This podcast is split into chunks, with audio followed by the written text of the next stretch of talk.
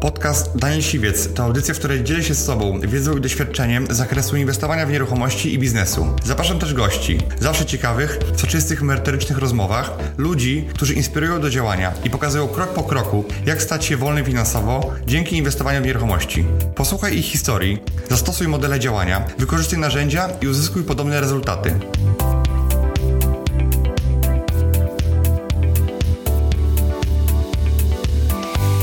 A możemy zrobić zastrzeżenie, że żaden prokurator mnie nie będzie oglądać?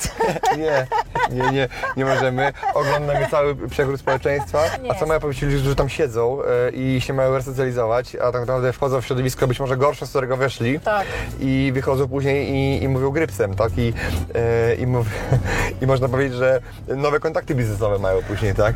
E, Mam nadzieję, że oglądając ten odcinek każdy to zapamięta, żeby jednak zawsze nie dać sobie wmówić, że ma prawo Okej. za- o- powiadomić osobę najbliższą o zatrzymaniu, Mhm. a także skontaktować się z wybranym przez siebie obrońcą i nie mówić absolutnie nic do czasu, aż nie pojawi się obrońca. E, W aktach często masz dużo więcej ciekawych informacji niż w najlepszych kryminałach, które kupisz w Empiku. Emocje przy rozstaniach powinny być odkładane na bok, Okej. że jednak najważniejsze są dzieci, które dostają rykoszetem w całym tym postępowaniu, a intercyza to jest tylko i wyłącznie wtedy potrzebna, kiedy pali ci się grunt pod nogami. Czyli to jest taka polisa, którą wykupujesz, czy na ubezpieczenie samochodu, czy domu, czy na po prostu na swoje życie. Ale pamiętajmy, że to, że ktoś jest w tymczasowym areszcie, to nie znaczy, że jest osobą winną. Mamy domniemanie niewinności. Biznes Rider. Cześć, witajcie w nowym odcinku Business Ridera, a moim dzisiejszym gościem jest adwokat Katarzyna Sankiewicz. Przyjmij piątkę. Cześć! Cześć. Katarzyna jest e, adwokatem, który specjalizuje się w kilku e, kwestiach. Po pierwsze, to są kwestie rodzinne, e, czyli podział majątku, rozwody, ale i też podział majątki, no szczególnie bardzo zamożnych osób. To w tym się specjalizujesz, gdzie są duże majątki. Po drugie, to są kwestie nieruchomości, czyli znoszenie współwłasności i o tym temacie chciałem też dzisiaj pogadać. Ale po trzecie, ty prowadzisz sprawy karne i wiem z rozmów z Tobą, że prowadzisz wiele spraw karnych i można powiedzieć, że obsługujesz wiel, wiele osób z polskiej mafii tak zwanej, e, więc... e, To ładnie ująłeś. jak ładnie- ująłem, więc chciałem o tym pogadać, bo to jest dla mnie e, atrakcyjne, e, albo ciekawe w ogóle, jak to, jak to działa. Chcę porozmawiać o tej mafii, o nieruchomościach i o sprawach rodzinnych, prawda? Więc Super. sprawy rodzinne może nie czasem się z biznesem wią, wiążą. Jest takie przysłowie, które mówi, że największą przyczyną rozwodów jest ślub, prawda? Ale, Gdyby ale, nie ślub, to by nie rozwód. tak, ale prawda? zanim jest ślub, to jeszcze jest intercyza. I teraz, y, jakie jest Twoje podejście na temat intercyzy? Bo wiem, że wielu, wiele osób o tym nie wie, wiele osób się tego boi. Uważa, no mój tata nie miał intercyzy, bo mama, to ja też nie będę miał, albo że to jest y, druga... Gwóźdź do trumny, że od razu będziemy się rozwodzić, tak? Tak, gwóźdź do trumny, że będziemy się rozwodzić, a, a wiem też, że też masz intercyzę i też masz męża, prawda? Tak? Mam. Dobrze. Wow. E, Dla, dlatego chciałem znać Twoje zdanie, na- dlaczego ona jest, y, warto ją mieć i dlaczego warto ją mieć intercyzę. To jest bardzo dobre pytanie, bo myślę, że wiele osób w ogóle nie posiada szerokiej wiedzy na ten temat. Bo intercyzę można zawrzeć nie tylko przed ślubem, ale także intercyzę można zawrzeć na każdym etapie trwania związku małżeńskiego, jeżeli na przykład dojdziemy do przekonania, że jest odpowiedni moment, aby zmienić naszą wspólność majątkową. Zazwyczaj jednak ludzie e, zawierają intercyzę przed zawarciem związku małżeńskiego. Przede wszystkim trzeba ją zawrzeć u notariusza. Nie można sobie spisać na kartce między stronami i powiedzieć, wow, mamy to. E, niestety trzeba to zrobić u notariusza. Dlaczego to jest e, ważne? No przede wszystkim dlatego, że dzięki intercyzie mamy zabezpieczone dwa majątki. Mamy zabezpieczony majątek nasz osobisty i mamy także zabezpieczony majątek drugiego małżonka. Nigdy nie wiemy, jak się potoczy życie. Często w biznesie jest raz lepiej, raz gorzej. Raz gorzej.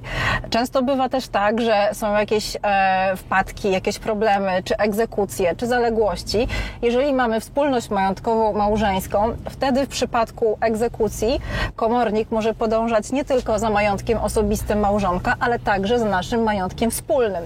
Więc przy działalnościach gospodarczych albo przy prowadzeniu biznesu, który wiąże się z dużym ryzykiem, zawarcie intercyzy myślę jest fantastycznym rozwiązaniem. Ale również intercyza pomaga w sytuacjach, kiedy na przykład chcemy dysponować swoim majątkiem. Bo ty na przykład kupując nieruchomość za każdym razem potrzebujesz zgody Tak, drugiej osoby. Jeżeli nie miałbym intercyzy oczywiście, prawda? Tak. Czyli muszę do kredytu, do... e, Każde zobowiązanie, każde nabywanie nieruchomości, za każdym razem musisz ciągnąć Tak. swoją drugą połówkę, e, angażować ją w cały proces, mieć odpowiednie zgody. Jest to czasochłonne, stresujące, nie możesz być niezależny. Więc myślę, że to też jest argument, który przemawia Tak. za tym, żeby nie tylko się chronić, ale także ułatwiać sobie samodzielność w gospodarowaniu Tak. swoim majątkiem. Dlatego też właśnie, że ta druga osoba za to odpowiada, więc musi, musi się też podpisać e, pod tym. Tak, tak, przy kredytach to też jest bardzo istotne, bo zaciągając zobowiązanie z małżonkiem, e, wtedy również jest zagrożenie majątku, nie tylko właśnie Twojego, ale także wspólnego majątku małżonków. Ale pamiętajmy także, że intercyza to nie jest tylko rozdzielność majątkowa tak stricte, jak każdy rozumie, bo intercyzę, jeżeli zawieramy, możemy także mieć jako umowę rozszerzającą wspólność majątkową albo ograniczającą wspólność majątkową, ale także są intercyzy z wyrównaniem dorobków. Co jest o tyle fajne, że w przypadku, jeżeli żyjemy sobie z takim wyrównaniem dorobków, to mamy tak jakby rozdzielność majątkową, ale gdybyśmy chcieli się rozwieść, to wtedy małżonek, który był w gorszej pozycji finansowej, może żądać od tego drugiego małżonka wyrównania. W szczególności w sytuacji, w której na przykład mm, jest układ w małżeństwie, że kochanie, ja będę prowadził firmę, a ty zajmiesz się dziećmi i obie strony to akceptują. Tak. Nie mówię, że to jest model, który, który warto powielać, natomiast Ale jakby, często niestety ale często on jest funkcjonujący i jeżeli obie strony się na to godzą i jest ok, to trochę ta kobieta, która nie miała szansy na to, żeby zbudować swój biznes albo pracować, jest pokrzywdzona, jeżeli na przykład ten mężczyzna by ją zostawił. Dokładnie. Tutaj wszystkie panie, które mnie słuchają, e, pracujcie. Nawet jeżeli to jest e, symboliczny wkład w budżet domowy, ja wychodzę z założenia, że naprawdę fajnie mieć taką niezależność życiową, e, fajnie się rozwijać e, i mieć taki wkład, że w sytuacji, kiedy życie nawet potoczy się w innym kierunku i strony się rozejdą, zawsze macie jakiś know-how, zawsze macie jakiś, em, jakiś background, który możecie rozwijać i to myślę jest bardzo ważne w życiu i masz takie w ogóle inne poczucie swojej wartości, a nie tylko będąc utrzymanką e, drugiej strony. Tak, no ale jak teraz przekonać taką żonę, która mówi, że ona się nie zgodzi na rozdzielność, bo, bo się boi, bo e, w razie rozwodu ona nic nie dostanie, tak? Jakby jakie są argumenty przed tym e, jeszcze? No bo okej, mówiliśmy o potencjalnych długach męża na przykład, tak? No może i to działa w dwie strony oczywiście, tak? Że nie generalizujmy. Natomiast e, jakbyś przekonała ta, taką osobę, która nie chce rozdzielności, no bo się boi, że załóżmy Też warto pamiętać, że rozdzielność tak jakby reguluje majątek, który dopiero powstanie. To nie jest to, że na przykład wychodzę za mąż za bogatego faceta i ja w momencie, kiedy staję się jego żoną, automatycznie wchodzę w posiadanie i własność tego majątku, bo wyszłam bogato za mąż. Intercyza tak naprawdę reguluje kwestię, że nie posiadamy prawa do majątku, który dopiero powstanie od dnia zawarcia związku małżeńskiego do dnia rozwodu, czyli tego majątku w czasie trwania związku małżeńskiego.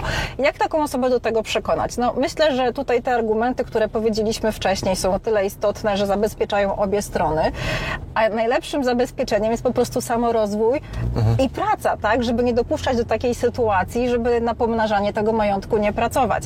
Pamiętajmy także, że można się zabezpieczyć na wypadek rozwodu alimentami, bo jeżeli się małżeństwo rozpadnie, to bez względu na to, czy mamy zawartą intercyzę, czy nie mamy zawartej intercyzy, a wykażemy wyłączną winę drugiego małżonka za rozpad związku małżeńskiego, wtedy możemy ubiegać się o zasądzenie alimentów nie tylko na dzieci, ale także na tego drugiego małżonka, który został w tej sytuacji postawiony. to e, w jakiej sytuacji nie, nie, nie warto być e, no bo omówmy się, że część osób ma biznes, to wtedy to jest ryzyko trochę większe, natomiast są osoby na etacie i czy warto robić na etacie, jeżeli ktoś ma Ja myślę, że intercyza jest zawsze super i ja każdego zachęcam mimo wszystko do tego, żeby intercyzę podpisywać, bo to jest polisa na złe czasy. W momencie, kiedy małżeństwo funkcjonuje prawidłowo, kiedy wszystko między stronami układa się super, to nikt nigdy nie pyta o intercyzę. Tak samo intercyza nie ma wpływu na dziedziczenie, czyli w sytuacji, kiedy mamy zawartą intercyzę, jeden z małżonków umiera, drugi małżonek dziedziczy, bez względu na to, czy ta intercyza była, czy nie była. Tak. A intercyza to jest tylko i wyłącznie wtedy potrzebna, kiedy pali ci się grunt pod nogami. Czyli to jest taka polisa, którą wykupujesz, czy na ubezpieczenie samochodu, Tak. czy domu, czy na po prostu na swoje życie. Mi przychodzi taki przykład do głowy, że na przykład e, ktoś ma, jest ma, małżeństwo, zarabiają nawet tam średnio, dobrze, niedobrze, nie mają biznesu, nie mają ryzyk, które się wią- wiążą z biznesem. Natomiast jedna ze stron ma problem hazardowy i e, oczywiście zadłuża się, bierze e, kredyty, chwilówki, jakby powoduje to, że rodzina traci płynność i tak naprawdę przez to, przez inne problemy e, nałogowe, ze stron, tak. ze stron, druga strona też cierpi, traci środki do życia, bo zajmują jej konto też również, Tak. prawda? I teraz jakby to jest zabezpieczenie przed tą drugą stroną, e, czego się nie da trochę przewidzieć na, na samym początku. E, Natomiast e, nie tylko biznes może się e, utopić, ale też i sytuacje życiowe, tak. które stawiają nas w różnych okolicznościach, są nie do przewidzenia. E, Sama wielokrotnie miałam klientów, którzy przychodzili i mówili, że z kimś są kilkanaście lat i nigdy nie spodziewali się, aż tu nagle gruchnęło jakieś nieszczęście i się okazywało, że na przykład są jakieś zobowiązania na wiele milionów, o którym drugi małżonek nie wiedział, e, a jest zobowiązany teraz do, do ponoszenia e, spłaty. Więc no, to są naprawdę bardzo przykre i ciężkie sytuacje, a w sytuacji ustanowienia rozdzielności majątkowej takich problemów nie ma. Dokładnie. I ja bym jeszcze powiedział taki, taki przykład, że to działa też w dwie strony, prawda? Że mm, z drugiej strony może być taka sytuacja, w której małżonek, e, no, załóżmy małżonek e, nie ma rozdzielności majątkowej, kochał swoją żonę najbardziej na świecie, był jej wierny, natomiast ona powiedziała, słuchaj, no już mi się znudziłeś, ja całe życie pachniałam i tak naprawdę przez to, przez to e, nudziło mi się trochę, bo ty Bye. pracowałeś ciężko. I teraz ja odchodzę z młodym, z młodym chłopem. e, Z ogrodnikiem. ogro- ogrodnikiem, mechanikiem, hydraulikiem. E, i nagle się okazuje, że tak naprawdę e, mimo tego, że można powiedzieć, że e, to mężczyzna jakby budował ten cały biznes, jakby e, prowadził to firmę w jakiś sposób i e, żona... Porządził cały ten Tak, wkład oczywiście żona może, mogła go wspierać, mogła nie wspierać, to już jest jakby kwestia sporna. Natomiast e, w pewnym momencie e, osoba, która niewiele się przyczyniła do budowy majątku, może powiedzieć, dobra, to ja biorę połowę i zostawiam Cię e, samego. Poruszyłeś bardzo ciekawą kwestię, ponieważ w naszym prawie rodzinnym jest założenie takie, że majątek co do zasady jest równy. Mhm. Czyli bez względu na to, czy ktoś zarabia 100 tysięcy, a drugi małżonek 1000 albo nic, to później przy podziale dzielimy się co do zasady równo. Można oczywiście wnioskować o nierówny podział majątku, ale trzeba to udowodnić i jest to bardzo czasochłonne i rzadko to się tak naprawdę udaje. Ale tak jak mówiłeś o hazardzie, są sytuacje, kiedy można okoliczności takie jak e, hulaszczy tryb życia, e, trwonienie majątku, przy podziale majątku właśnie wskazać jako okoliczność, która zagraża majątkowi i wtedy można wnioskować o nierówny podział majątku. Ale to są sytuacje, które zdarzają się rzadko Tak. i trudno jest je udowodnić. Dlatego znowuż intercyza w takiej sytuacji Jasne. Dlatego, dlatego żebyście też mnie nie zrozumieli źle, to ja nie jestem po żadnej ze stron. Uważam, że też em, małżeństwie należy się dzielić i jakby być razem po tej samej stronie.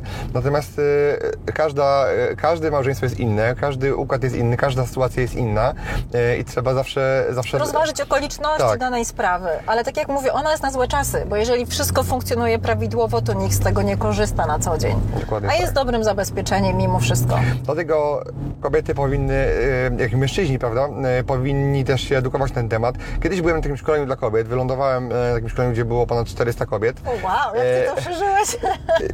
Tak, trafiłem tam i byłem tam jakimś rodzynkiem. Natomiast zobaczyłem, tam był właśnie temat intercyzy, kobiety się uczyły tego i tak dalej. I to, co mnie dotknęło, to zobaczyłem, że e, jak był ten, ten, ten temat intercyzy, to wiele kobiet uświadomiało sobie nagle, że mają bogatych mężów i wydawało mi się, że wszystko jest ich wspólne. A się później okazało, że nie mieli intercyzy, natomiast tak, firma była, e, była męża, samochody były na firmę męża, firma była założona przed małżeństwem, prawda? Czyli to jest ten majątek osobisty, Tak. który zawsze pozostaje majątkiem Tak. osobistym, bez względu na wszelkie okoliczności. I nawet jeżeli powiedzmy mamy piękny dom, Mm. który mamy przed ślubem i później wejdziemy w związek małżeński, to ten dom nie staje się z automatu współwłasnością żony. W przypadku nawet gdy ten piękny dom sprzedamy i za ten dom kupimy inny dom, to to jest też surogat majątku pierwotnego i on też się nie staje współwłasnością żony. Tak. Więc to w żaden sposób nie zmienia okoliczności tutaj. Dokładnie, dlatego to, co mnie tknęło, to jest to, że e, wiele kobiet uświadomiało sobie, czasami w wieku nawet 40 lat, że tak naprawdę nic nie mają, prawda? I teraz, e, że nie mają, myślały, że nie mają tercyzy, więc mają połowę ma- majątku męża e, i być może pracują w tym biznesie, prawda? I jego wspierają e, i wszystko w dobrej wierze, natomiast tak naprawdę w żaden sposób e, Nic im się tak tak, naprawdę tak. ponad to nie należy. Dlatego, dlatego e, ja jestem jakby patrzy z dwóch stron medalu i warto, myślę, żeby obie strony były świadome i rozmawiały na ten temat. Biznes Rider. Natomiast przejdźmy teraz do nieruchomości, bo wiem, że też specjalizujesz w nieruchomości, stąd też jakby się znamy, e, też znam Twojego męża, prawda, który też działa w nieruchomościach, można powiedzieć, stąd się znamy. Natomiast chciałem się zapytać o taki Twój najciekawszy case, którym być może miałeś ostatnio, który mógłby być ciekawą, taką ciekawostką dla widzów, albo też e, jakąś lekcję dla nich wziąć. Co, jak- jakiś tip? Jakiś tip. Mam taki ciekawy kazus, który myślę, że jakbym zaczęła opowiadać, to bym zanudziła tutaj wszystkich, Tak. ponieważ jest to książkowy kazus, który pokazuje wszystkie możliwe Okej. problemy z nieruchomością, które mogą spotkać inwestora. Pewien inwestor kupił nieruchomość, która wydawała się będzie świetną inwestycją. E, chciał zrobić tam niewielkie zmiany, ponieważ nieruchomość była w dosyć kiepskim stanie, ale była świetnie położona. W związku z powyższym nabył nieruchomość w przystępnej dosyć cenie. Już pierwszy problem pojawił się przy akcie notarialnym, gdzie został wprowadzony błędny zapis, ponieważ był zapis, który mówił, że nieruchomość posiada bezpośredni dostęp do drogi publicznej. Jak się później okazało, inwestor udał się do urzędu zgłosić kwestie związane z przebudową, rozbudową, nadbudową nieruchomości. No i pani w urzędzie mówi, no ale drogi panie, pan nie ma dostępu do drogi publicznej. No, pan przetarł oczy ze zdumienia, jak to? Przecież mam akt notarialny, jak w jest napisane, że mam. Nawet ogrodzenie, które było Tak. postawione, stało centralnie przy chodniku, przy głównej ulicy. No ale pani w urzędzie zaczęła wyciągać jakieś dokumenty i się okazuje, że wzdłuż całej nieruchomości przebiega pasek, który Oddziela go oddziela formalnie. formalnie, mimo że ogrodzenie stało za tym paskiem. Ten pasek nie był szeroki, ale niemniej jednak blokował dostęp do drogi publicznej. No i zaczął się dramat, ponieważ zostały wstrzymane wszelkie inwestycje, które ten inwestor tej nieruchomości chciał zrobić. Żeby było śmieszniej, nie można było ustalić, kto jest właścicielem tych 24 metrów kwadratowych, ponieważ księga nieruch- wieczysta nie została założona. W wypisie z rejestru gruntów było napisane właściciel nieustalony. No i zaczęły się schody, bo gdyby nawet był właściciel, to zawsze jest możliwość e, ustanowienia służebności, Tak. Pozwania albo go w tym odkupienia, zakresie, cokolwiek. Ale w takiej sytuacji, kiedy masz no name, no to pojawia się problem. Panie w urzędzie rozłożyły ręce. Inwestor się trochę załamał, ponieważ miał naprawdę fajne plany, co z tym wszystkim zrobić. Wszystko stanęło w Akt jest nieważny, tak naprawdę e, formalnie nie, nie, chyba nawet nie jest właścicielem, prawda? E, nie, akt akurat był Tak? ważny. Notariusz umył ręce, powiedział, że on takie miał dokumenty i naprawdę nawet Oświadczenie jak poszło... stron, tak? Oświadczenie stron. Dokumenty poszły do Izby Notarialnej. Izba Notarialna też powiedziała, że ona nie ingeruje w kompetencje notariuszy. No, naprawdę było dużo problemów i nie, nie wiedział w ogóle ten inwestor, od której strony zacząć. Zaczęliśmy więc grzebać w oryginalnych księgach wieczystych dotyczących tej głównej nieruchomości, ponieważ na tą nieruchomość były założona księga wieczysta i przebadaliśmy całą historię. Jak to się stało, że ten pasek w ogóle się wyodrębnił. Na tej zasadzie ustaliliśmy, że ten pasek został wyodrębniony na poszerzenie tej głównej ulicy w latach 60. Ten pasek został wywłaszczony i miał być właśnie przekazany pod poszerzenie ulicy, ale ulica nie została nigdy poszerzona. Państwo się nigdy nie wpisało jako właściciel, ani też tego paska nie zwróciło. I tak to się stało, że ten pasek był de facto niczyj. No i w takiej sytuacji pojawił się problem, co z tym fantem można zrobić. Biorąc pod uwagę e, wszelkie okoliczności, stwierdziliśmy, że najlepszym wyjściem, tak w skrócie oczywiście, e, będzie złożenie pozwu o zasiedzenie nieruchomości. E, I pierwszy raz udało się przeprowadzić właśnie w mojej, w mojej karierze postępowanie o zasiedzenie tego paseczka nieruchomości, e, kiedy tak naprawdę nie było uczestnika postępowania, bo Tak. nie było kogo wskazać. Więc to było dosyć ciekawe, Okej. ale się I ile to trwało, takie zasiedzenie? Bo to było jakby, trzeba było udowodnić, że on e, używał e, tej działki i jakby ją zasiedział, tak? Tak, tylko problem też był taki, że e, inwestor kupił działkę, pamiętam, w 2016 roku, więc e, żeby zasiedzieć nieruchomość, trzeba wykazać posiadanie przez lat 30 w złej wierze, bądź 20 w dobrej wierze, a inwestor był posiadaczem tym kilka miesięcy. I tutaj z pomocą przyszła właśnie instytucja, że w takiej sytuacji możemy wykazać doliczenie czasu posiadania przez poprzednich mhm. Czyli on wejdzie w prawa i obowiązki. Tak, no i wykazywaliśmy historię, e, kto tą nieruchomość posiadał. Wtedy nawet poszliśmy do Urzędu Lotnictwa. Mhm. E, udało się zdobyć zdjęcia, które były robione nad Warszawą kilkadziesiąt lat wstecz, mhm. żeby pokazać, jak było ustanowione, e, postanowione, postanowione, jak było ułożone mhm. ogrodzenie działki, jak działka była użytkowana, gdzie, była, gdzie było ogrodzenie, gdzie był wjazd, jakie były czynności, czy była odśnieżana, czy był uprawiany ogródek, czy była wykostkowana. I na podstawie wszystkich tych okoliczności, plus jeszcze dodatkowo udało się zdobyć kilku świadków, całe postępowanie o dziwo poszło szybko, bo w ciągu roku udało się okay. takie postanowienie sądu otrzymać, nikt go nie zaskarżył.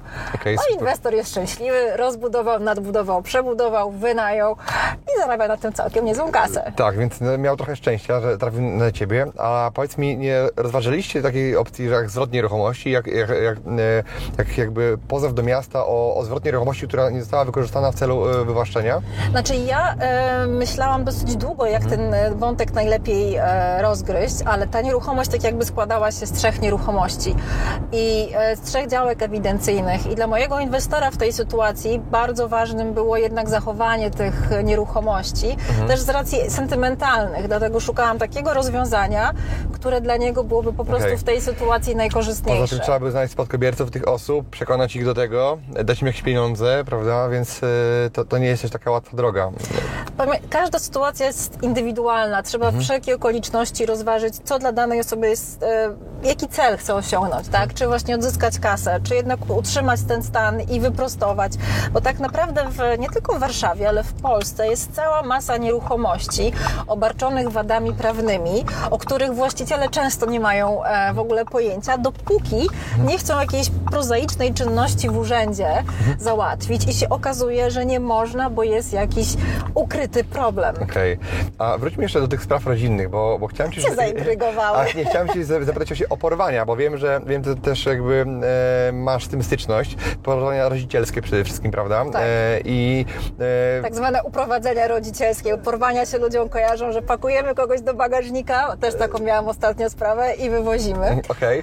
ale może, może te uprowadzenia, jakbyś mogła powiedzieć coś więcej, jak to wygląda? Jakby, e, bo rodzice się kłócą o dziecko, tak? I, i mm, później jedno z rodziców wywozi je za granicę albo do swojego mieszkania? Tak.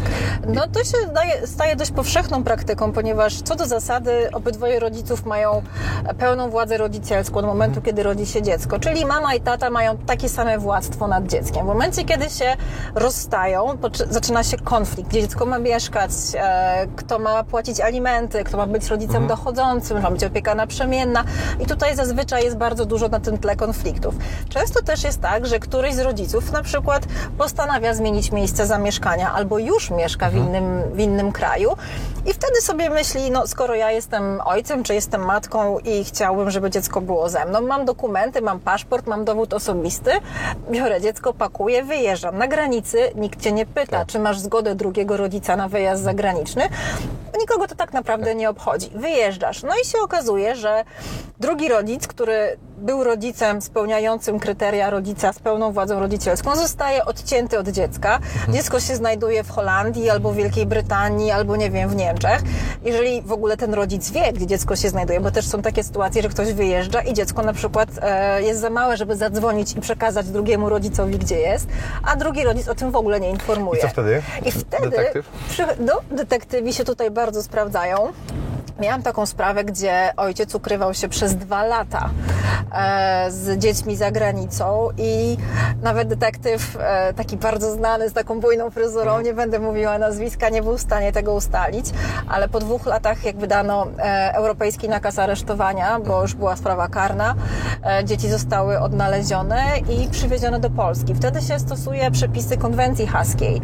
Są to takie przepisy, które uważam działają w Polsce bardzo sprawnie i ogólnie szczególnie w krajach, które są stronami konwencji, bo de facto od momentu rozpoczęcia procedury konwencji haskiej, czyli zgłoszenia uprowadzenia rodzicielskiego, e, cała procedura trwa 6 tygodni do momentu, aż dziecko wraca do rodzica, pod którego opieką wcześniej było, zanim ten drugi rodzic bezprawnie wywiózł dziecko za granicę. A co w sytuacji, kiedy na przykład jeden z rodziców, y, który sprawi główną opiekę, powie, dobra, wyjeżdżam na drugi koniec Polski, e, i tak naprawdę utrudnia kontakty drugiej stronie. To jest bardzo, bardzo powszechne w Polsce, ponieważ rodzic, który jest tym pierwszoplanowym rodzicem, myśli, że ma wyłączne prawo do decydowania o dziecku, a tak nie jest.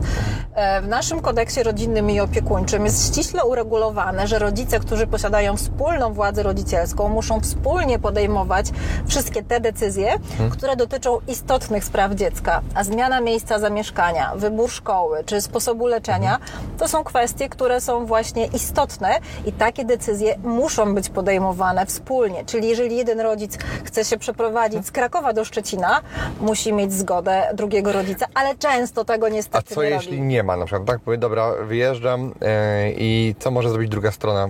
No tutaj konwencja haska nie działa, bo konwencja haska działa tylko i wyłącznie w kwestiach zagranicznych. E, W Polsce to działa niestety e, gorzej, w takim sensie, że co do zasady nie wolno, ale jeżeli któryś rodzic tak zrobi, no to cała procedura odkręcania tej sytuacji jest bardzo czasochłonna i wtedy trzeba złożyć do sądu wniosek o na przykład zmianę miejsca zamieszkania dziecka albo wskaz- o ograniczenie władzy rodzicielskiej drugiemu rodzicowi i wykazać, że tamten rodzic nadużywa władzy rodzicielskiej poprzez samowolne decydowanie o zmianie miejsca zamieszkania.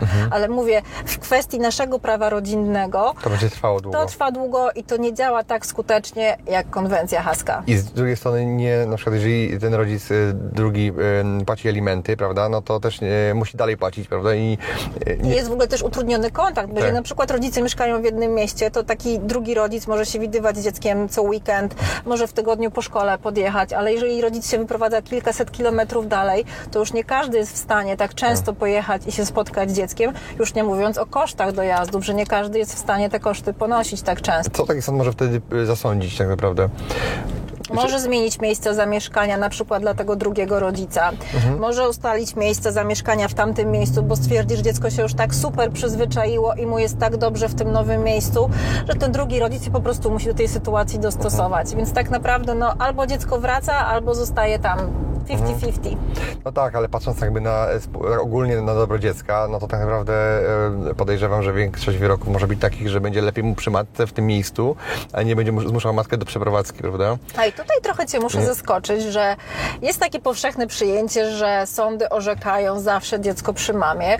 Ja z swojego doświadczenia ostatnio obserwuję, że i nawet w przeciągu ostatniego miesiąca miałam dwa orzeczenia, które zmieniły miejsce zamieszkania i to bardzo małych dzieci.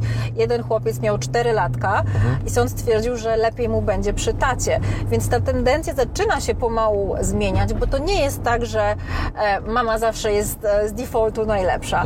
Są naprawdę fantastyczni ojcowie, którzy dają, uważam, często lepszą gwarancję sprawowania władzy rodzicielskiej, a co istotne, praktycznie nie zdarza się, aby ojcowie ograniczali kontakty matką, a matki bardzo często ograniczają kontakty dla ojców, na co sądy też zwracają uwagę. Tak.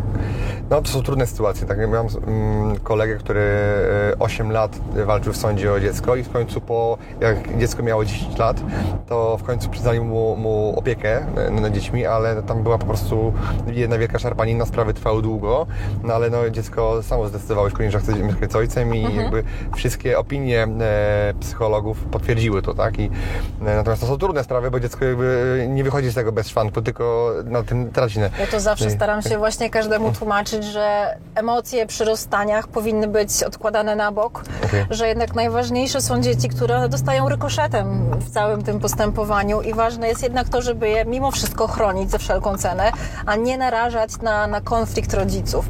Dlatego mówię, że zanim rodzice wejdą w tak głęboki konflikt, niech pójdą na mediację. Jest tylu fantastycznych mediatorów w Polsce, którzy w odpowiednim momencie jeszcze są w stanie tych ludzi w jakiś sposób spoić, dogadać, poukładać to wszystko, żeby to działało i żeby nie iść z tym wszystkim do sądu.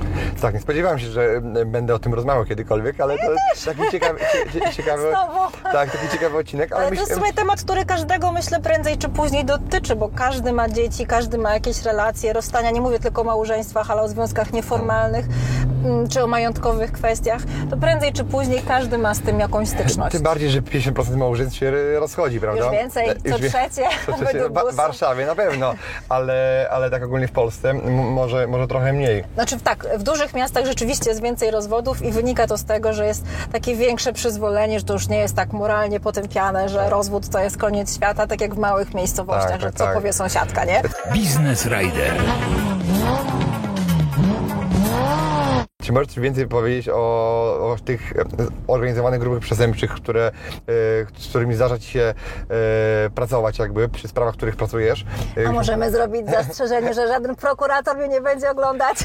Nie, nie, nie, nie możemy. Oglądamy cały przekrój społeczeństwa. Jakąś taką blokadę rodzicielską, nie? Jak się wrzuca Nie, do nie. prokuratorów. Znaczy, tak chciałem Ci zapytać, jakby jak to działa, bo tak naprawdę dla mnie to jest całkowicie inny świat i jakby ja nie, nie siedzę w, w tym temacie w ogóle.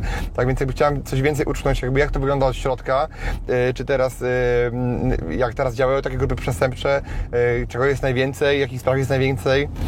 Znaczy, ja się nie zajmuję taką drobną przestępczością, jeżeli to Tylko tak grube sprawy. podzielić, tylko taką przestępczością na większą skalę i e, czy ona istnieje? No istnieje, bo mam też dzięki temu pracę, nie oszukujmy się. E, są to sprawy, które dla mnie są bardzo ciekawe merytorycznie, dlatego że e, w aktach często masz dużo więcej ciekawych informacji niż w najlepszych kryminałach, które kupisz w Empiku, Okej. więc nie ma potrzeby tego kupowania, bo możesz naprawdę uzyskać mega ciekawą wiedzę, która nawet czasami ci nie daje spać po nocach, jeżeli poskładasz pewne informacje e, sobie tak w całość. Mm, Ale to są sprawy, które, tak jak mówię, są bardzo ciekawe i spotykasz w ogóle też bardzo ciekawych ludzi przy okazji, bo nie, nie każdy członek, który ma problemy z prawem, to jest od razu jakiś straszny przestępca. Wiele osób, które prowadzi również legalne biznesy, może zostać tymczasowo aresztowanym. To niejednokrotnie słyszymy o jakichś takich najściach o 6 rano. I tak jak mówię, w mojej obserwacji e, w Polsce na przykład instytucja tymczasowego aresztowania jest bardzo mocno nadużywana. Ponad 95% wniosków o tymczasowy areszt w Polsce jest automatycznie zatwierdzana przez sąd. Czyli jakiekolwiek pomówienie, jakikolwiek uprawdopodobnienie okoliczności, że dajemy komuś tymczasowy areszt, sąd w ciągu 48 godzin wydaje postanowienie Bęk, mamy na trzy miesiące. E, Z trzech miesięcy robi się sześć, dziewięć i tak naprawdę człowiek zostaje pozbawiony wielu podstawowych praw. E, Nawet rozmawialiśmy przed programem, Tak. czy warto mieć wyryty numer telefonu na ręku. Nie, ale zawsze dobrze mieć gdzieś w tle głowy, do kogo byś w takiej sytuacji mógł zadzwonić i mieć nawet takie podstawowe przeszkolenie, e, jakie masz prawa, co ci wolno, czego ci nie Okej. wolno, co mówić przede wszystkim, bo to- te najważniejsze są te pierwsze chwile od zatrzymania. Jasne, no to teraz wyobraźmy sobie sytuację, że e, ktoś został aresztowany, tak, czy to na mieście, czy to z domu. E, no- Zazwyczaj przychodzą do domu rano. Tak, tak, tak. Natom- Natomiast jakby y, to co ma robić jakby i co, co mówić, czego nie mówić? Niczego nie mówić i dzwonić do adwokata, to jest Na- święta Natomiast no, zasada. on już nie ma pewno. telefonu, on już nie może dzwonić. Ale ma prawo do kontaktu z obrońcą, tak? To jest, to jest e, prawo każdego człowieka i e, mam nadzieję, że oglądając ten odcinek każdy to zapamięta, żeby jednak zawsze nie dać sobie wmówić, że ma prawo Okej. za- o, powiadomić osobę najbliższą o zatrzymaniu, Mhm. a także skontaktować się z wybranym przez siebie obrońcą i nie mówić absolutnie nic do czasu, aż nie pojawi się obrońca. Bo tak jak mówią na filmach amerykańskich, wszystko co powiesz Mhm. może być wykorzystane przeciwko tobie. Czy też nie podpisywać dokumentów bez przeczytania ze zrozumieniem, bo mogą dawać różne rzeczy do, e, Mhm. do do, podpisu. podpisania, e, a potem człowiek się z tego nie wykręci, że byłem zdenerwowany, nie przeczytałem, nie zrozumiałem. Ostatnio nawet był mnie taki mm, chłopak z problemem, gdzie też został zatrzymany, e, nie miał prawa do adwokata, ponieważ podpisał, że on nie żąda prawa do adwokata, bo był tak zdenerwowany, że nawet tego nie przeczytał, dopiero Mhm. później na spokojnie. Dlatego nie podpisywać nic, Mhm. albo najlepiej poczekać na adwokata i dokładnie czytać, co nam dają. To są takie święte wskazówki w takich sytuacjach i nie panikować. Okej, to może byłem taki przykład, że ostatnio rozmawiałem, jak byłem na konferencji, spotkałem przedsiębiorcę, który mm, był na, na imprezie i opowiadał właśnie, że był na imprezie, mieli VIP-owską lożę na stadionie i no i tam się podpił trochę, no i yy, wyszedł z tego stadionu, szedł na taksówkę i generalnie po- podjechała policja, zawinęła go na, na izbę wytrzeźwień. I generalnie mówił, że po prostu co to tam się dzieje, to po pierwsze zabrali go na, na, na to izbę wyczeźwień, widział, że tam po prostu jak ktoś się coś stawia, to go przekopali. E, z- zabrali mu portfel, oczywiście oddali go wyczyszczony. E, nie pozwolili mu zadzwonić do nikogo, poinformować ni- nikogo, że, że jest na tej izbie i generalnie no, siedział w, e, w celi bez klamek, bez wody, bez niczego. Tak naprawdę mówił, że to jest jedna wielka państwo w państwie, komuna. I tak naprawdę mało kto może coś z tym zrobić. E, no to jest izba wyczeźwień, to nie jest areszt, prawda? Natomiast No a w aresztach jest też dramatycznie i na przykład uprawnienia prokuratorskie do tego, w jaki sposób mogą ci uprzykrzyć życie, kiedy przebywasz w areszcie, jak mogą ograniczyć twój kontakt, e, czy z osobami najbliższymi, e, czy nawet e, jak często dostaną osoby najbliższe widzenie, czy widzenie przez pleksa, czy w ogóle możesz gdziekolwiek zadzwonić, czy na przykład cię wrzucą na enki e, i to nie zawsze słusznie i na tych enkach cię trzymają, czyli tak zwanych osoby szczególnie niebezpieczne, gdzie chodzisz w takim pomarańczowym wdzianku, jesteś e, rozbierany za każdym razem, jak wychodzisz z celi, wchodzisz w celi, jesteś skuty non-stop. No to są takie kwestie, o których wiem, że jak pewnie niektórzy słuchają, to powiedzą, Boże, on jest pewnie gangsterem strasznym, dobrze mu, tak? Ale pamiętajmy, że to, że ktoś jest w tymczasowym areszcie, to nie znaczy, że jest osobą winną. Mamy domniemanie niewinności. I wiele osób, chociażby nawet pan komenda, który po 18 latach wyszedł na wolność, też na nim wszyscy psy wieszali, okazał się osobą niewinną. A jednak w Polsce tak lubimy takie szpilki wbijać. Okej, ale taka osoba na przykład e, niesłusznie, e, mów mu, a że każda tak naprawdę, e, to powinna mieć numer do adwokata, czy powinna mieć imię nazwisko adwokata, czy... Znaczy, najlepiej, żeby wskazała imię i nazwisko, nie musi numeru pamiętać, tak? Wskazuje, do jakiego adwokata chciałaby zadzwonić i wtedy ma zapewniony kontakt z obrońcą. Może mieć też e, na przykład osoba najbliższa, upoważnienie zostawione, żeby takiego adwokata, ja na przykład od tych moich zorganizowanych mam często albo od nich podpisane upoważnienia na wszelki wypadek, albo właśnie od, od, od matek, od żon, które zostawiają w takiej sytuacji, że jakby coś, no to idziesz i później masz na dzień dobry wejście. e, e, No, no bo tak, do- bo do ty, ty wchodzisz do aresztu Tak, i tak naprawdę ja i oni powiedzą, okej, ale z jakiej parafii ty jesteś, prawda? Czy... Znaczy ja najpierw muszę mieć upoważnienie do obrony, potem występuję do prokuratora o zgodę na widzenie, bo on musi mi taką zgodę wyrazić i dopiero jak dostaję zgodę na widzenie, to wtedy z tą zgodą na widzenie wchodzę do aresztu. Mhm, okej, i zawsze ta zgoda jest, czy utrudniają? Różnie. Okej. Znaczy teoretycznie nie, ale na przykład miałam klienta, który e, właśnie z takiej dużej grupy przestępczej był w ciągu pierwszych tygodni od zatrzymania przewożony kilkukrotnie po różnych aresztach i prokurator nie chciał mi udzielić zgody, gdzie on aktualnie przebywa, a ja muszę wskazać, że na przykład w tym momencie mój klient przebywa w takim i w takim areszcie i proszę o zgodę na widzenie z klientem, który przebywa tu, a za trzy dni go przewożą na przykład gdzie indziej. Prokurator mówi, że on nie ma wiedzy, gdzie, prze, gdzie przebywa i raz właśnie w taki sposób szukałam klienta, gdzie wiedziałam, że przebywa tylko w jakimś konkretnym rejonie kraju, gdzie okazało się, że mój inny klient ma brata, który pracuje w służbie więziennej i zidentyfikował, gdzie przebywa mój klient, więc to, to nie jest zawsze tak, że prokuratura ułatwia Oni to celowo pracę. robili, tak, żeby... No nie chcę tego używać, Tak, ale tak. myślę, że każdy wyciągnie wnioski w takiej sytuacji. Okej. E, No właśnie. Często jest na przykład tak, że dzwonią o 14 i mówią, dzień dobry, jutro o 8.30 ma Pani posiedzenie aresztowe. Nie pytamy, czy Pani pasuje, czy Pani nie pasuje, tylko Panią informujemy, bye. No tak, ale E, możesz zawsze zastępcę wysłać, prawda? no tak, ale są takie sytuacje, że nawet przygotować tego zastępcę Mhm. jest tak mało czasu, bo tylko Ty tą sprawę tak dobrze znasz. Albo klient nie chce zastępcy, tylko chce Ciebie. Ta strona, która próbuje ci udowodnić, ona ma dużo więcej narzędzi i gra tak naprawdę po to, żebyś przegrała, e, prawda? I często ta walka nie jest tak naprawdę wyrównana, bo są takie zagrywki, albo ostatnio dostałam informację, że kończą postępowanie przygotowawcze, które trwało dwa lata, gdzie jest ponad 200 tomów akt i oni mówią, dzień dobry, może Pani przyjechać tego dnia, ma Pani trzy dni na uzupełnienie materiału, bo jak nie, no to my już zamykamy i wysyłamy do sądu. No trochę mało czasu, Okej. nie?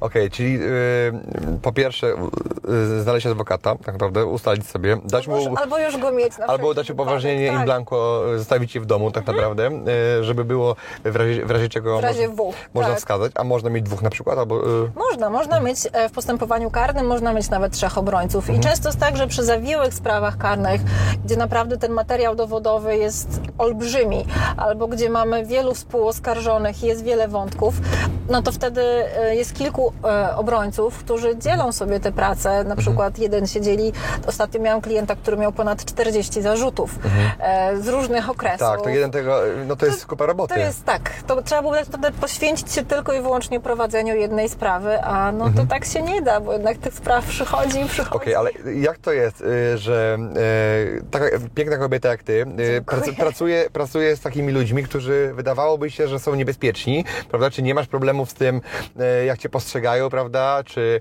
jak, to wygląda? Ja się zawsze śmieję, że stoję po tej dobrej stronie Tak. mocy. W sensie ja nie jestem prokuratorem, który chce im zaszkodzić, Mhm. tylko ja jestem ich obrońcą. Czyli oni do mnie podchodzą zupełnie z innym podejściem, bo wiedzą, że jestem po to, żeby im pomóc. Mhm.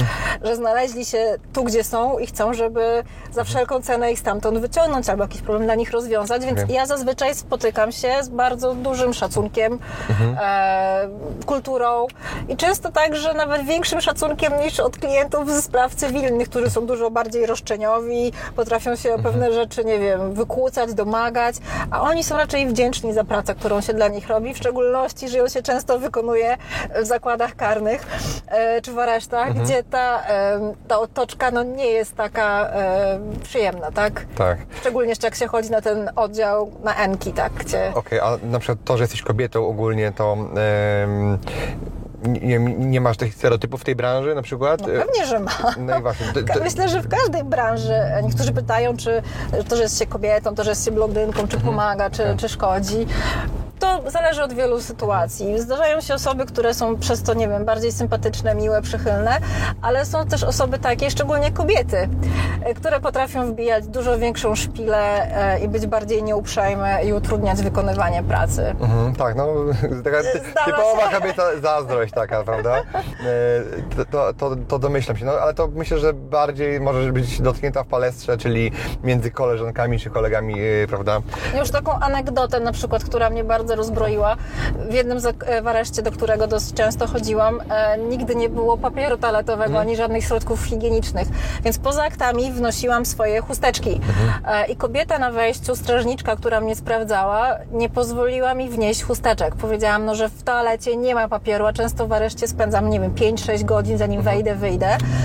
I ona powiedziała, że jej to nie interesuje, e, że przecież jest kran z wodą, ja nie muszę chusteczek wnosić. Więc no, na przykład mężczyzna by nigdy tak nie powiedział, a kobiecie zdarzyło się, tak? Więc to takie a propos mm, właśnie traktowania kobiet. No ale to tak naprawdę pokazuje, że ci ludzie, którzy tam pracują mają zryty beret, e, bo e, ży- życie z takimi ludźmi, którzy często Przebywają tylko i wyłącznie w takim w środowisku. środowisku to tak naprawdę to stają się ta- tacy i ja na przykład mam absolwenta moich warsztatów, który pracował właśnie, e, był klawiszem Mhm. i tak naprawdę mówił, że już zaczął wariować i, e, i po prostu, że i, to było bardzo duże obciążenie, praca, Bardzo, e, duży tak. stres i praca z tymi ludźmi. Oni przechodzą na wcześniejsze emerytury, ale mimo wszystko uważam, że te warunki pracy tam są bardzo Tak. trudne, ciężkie, nie mają pomocy, nawet wsparcia psychologicznego, nie mają jak odreagować z tego, z Więc czym się ona, tam ta mierzą. kobieta widocznie odreagowała swój stres poprzez to, że utarła ci nosa, prawda, w, te- w ten sposób, więc no to jest przykre i to chyba też możemy powiedzieć, że chyba nie ma resocjalizacji, prawda, tam, tylko raczej,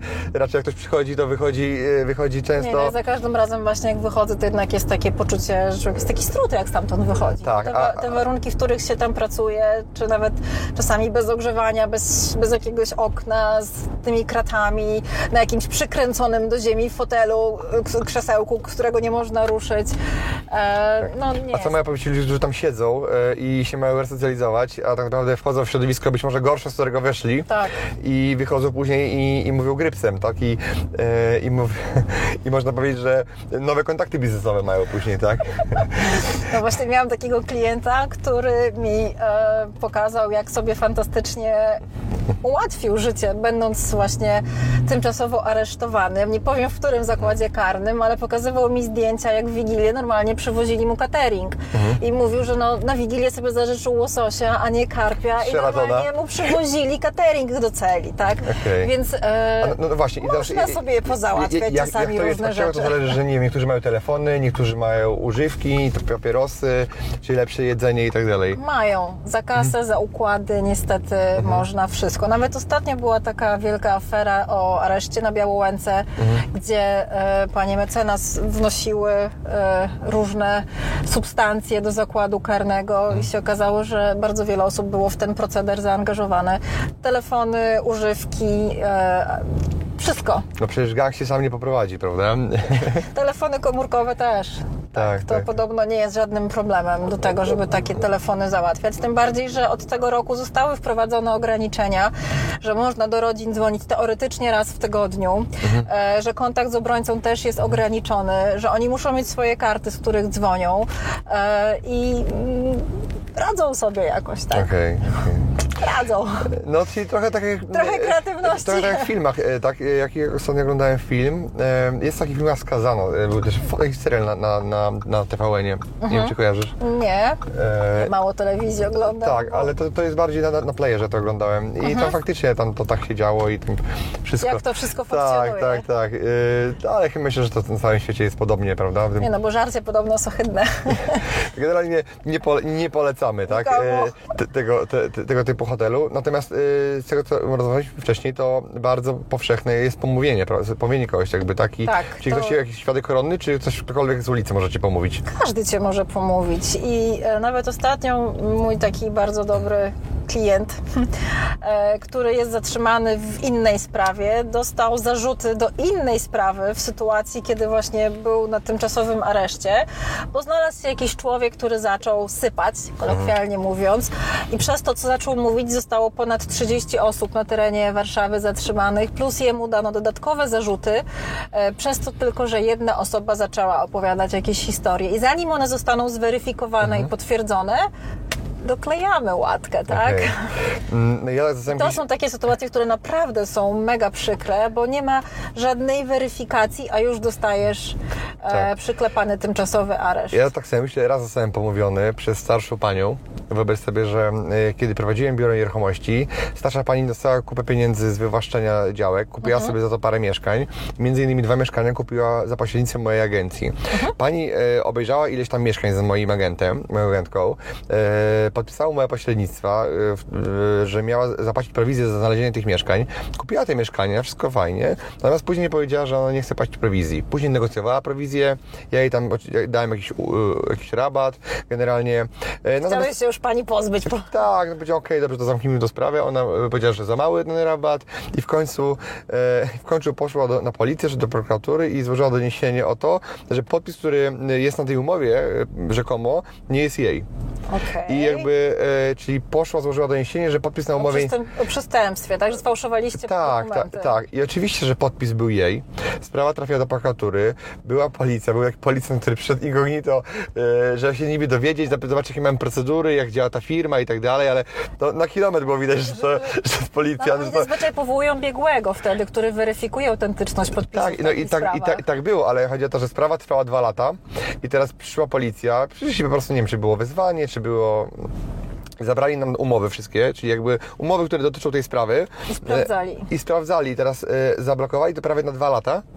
I ja nie, mo- nie byłem w stanie pozwać tej osoby cywilnie o zapłatę wynagrodzenia, ponieważ dokumenty były w prokuraturze. Oryginały były w prokuraturze. To znaczy, że ja miałem zblokowane ręce i dopiero e, przed samym e, Przedawnieniem. tej sprawy poszedłem, jakby, jak tą sprawę umorzyli, ponieważ okazało się, że pani się jednak podpisała. I co, co groziło tej pani? Nic. Ja, się, ja żeby później to panią ukarać przy trzeciej nosa, musiałbym e, sprawę jej założyć e, z mojego powództwa, bo z automatu prokuratura nie, nie założyła sprawy, że ona złożyła fałszywe doniesienie. No bo ona. Musiałbyś złożyć wniosek wtedy. Tak. Dokładnie, ale ja się już nie chciałem w to bawić, ja ją pozwałem. O zapłatę. I, tak, o zapłatę i zapłaciła mi później z kosztami y, zastępstwa 50% więcej. Tak, bo przegrała sprawę, no bo... Mhm. No tak, ale wynagro- wiadomo, że koszty, wszystko. tak, koszty, czas, ale no, byłem mega zniesmaczony, no bo myśmy tam ze dwa razy się spotykali z tą panią, rozmawiali z nią i próbowaliśmy się dogadać po prostu, no ale ona była pazerna. Ale w Polsce jest niestety bardzo wiele osób, które próbują oszukać innych i w ten sposób e, zarobić, niestety, bo nie potrafią w inny sposób Tak. legalnie e, zarobić kasy i, i to się zdarza, niestety. Więc taka sytuacja myślała, że po prostu tutaj pójdzie i, i, i nakłamie. Ja byłem, pamiętam, e, nie tylko przesłuchiwany, ale też byłem, składałem jako właściciel firmy podpis, czy to nie przypadkiem ja. E, Natomiast i moja pracownica, która obsługiwała, moja agentka, która obsługiwała tą panią bezpośrednio. Natomiast e, no, cie, cie, ciekawe jest, tak na szczęście że się ta pani podpisała, to był jej podpis i grafolog biegły stwierdził, prawda, no ale no, e, taką sytuację miałem raz w życiu na szczęście, no bo jednak jest więcej ludzi uczciwych niż, niż tych e, nieuczciwych. A ty zaś... propos nieuczciwości, to właśnie mi się przypomniał kazus mojego klienta, który jest teraz na końcówce batalii sądowej z jednym bardzo dużym deweloperem, e, który sprzedał mu mieszkanie, prawie. W sensie mój klient zawarł umowę rezerwacyjną, następnie umowę deweloperską. Mieszkanie kupił w bardzo okazyjnej, super cenie, w fajnej lokalizacji. I na trzy miesiące przed e, upływem terminu do odbioru mieszkania e, i przeniesienia własności, deweloper za pośrednictwem jakiejś pani Krysi na jakimś dziwnym pełnomocnictwie wysłał do mojego klienta pismo, że on od umowy deweloperskiej odstępuje, że on mu tego mieszkania nie sprzeda, że on się w ogóle z tego wszystkiego wymiksowuje, bo właśnie w tym okresie, kiedy to mieszkanie było budowane, ceny nieruchomości w tym rejonie praktycznie Tak. dwukrotnie poszły w górę, więc deweloper sobie przekalkulował, że teraz zamiast sprzedawać w tej super cenie dla mojego klienta, sprzeda to sobie komuś innemu. E, licząc też pewnie na to, że klient nie będzie chciał Walczyć z- walczyć z deweloperem. Z deweloperem, który jest takim naprawdę jednym z większych deweloperów w Polsce. E, I tutaj się pomylił. Ponieważ stwierdziliśmy, że no nie odpuścimy tego tematu, że w ogóle samo odstąpienie od umowy w mojej ocenie było nieskuteczne, że nie były tam żadne powody, Przesłanki, e, na przykład przesłanki niezapłacenie i tak dalej, tak? W ogóle cena była zapłacona i deweloper najlepszy jest to, że tak przelał z powrotem pieniądze. Mój klient odesłał, deweloper odesłał. Te pieniądze krążyły chyba ze trzy razy między kontami e, i de facto poszliśmy do sądu właśnie o ustalenie tego stosunku prawnego e, z wnioskiem o zabezpieczenie, czyli żeby zabezpieczyć księgę wieczystą tej nieruchomości, bo to mieszkanie momentalnie wróciło na rynek i ten deweloper naprawdę liczył, że to mieszkanie się Tak. sprzeda.